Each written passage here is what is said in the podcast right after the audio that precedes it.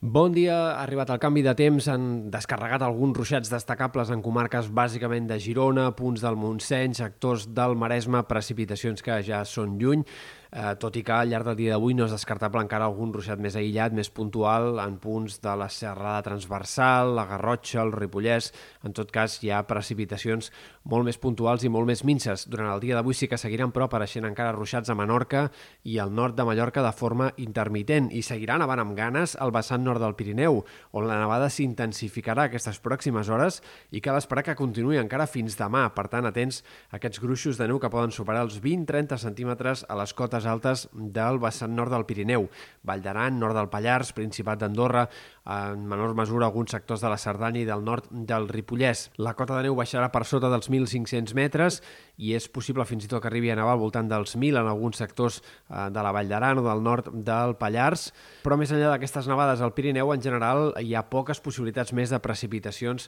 durant els pròxims dies. La segona part de la setmana serà estable en aquest sentit, eh, no hi ha símptomes de cap nova eh, situació d'inestabilitat i per tant acabarem el mes de novembre amb molta seguretat, amb un dèficit molt marcat de precipitació a bona part de Catalunya. El canvi de temps també activarà el fort vent que aquest dimarts serà més de mestral i en canvi de cara demà anirà girant més purament a tramuntana. Demà serà quan es deixarà sentir de forma més extensa en moltes comarques de Girona, sobretot a l'Empordà, però també als cims del Pirineu, amb ratxes que poden superar els 60-70 km per hora en molts d'aquests sectors. El vent anirà perdent força de cara a dijous, però sembla que no acabarà de desaparèixer aquest corrent de vent de nord que divendres i al cap de setmana podria seguir sent protagonista. Pel que fa a llarg termini, el més destacable, sens dubte, serà que després d'un repunt sobtat de la temperatura al voltant de divendres, al cap de setmana sembla que hi haurà una reactivació contundent del fred, que podria ser més clara encara que aquesta última i ens podria portar un ambient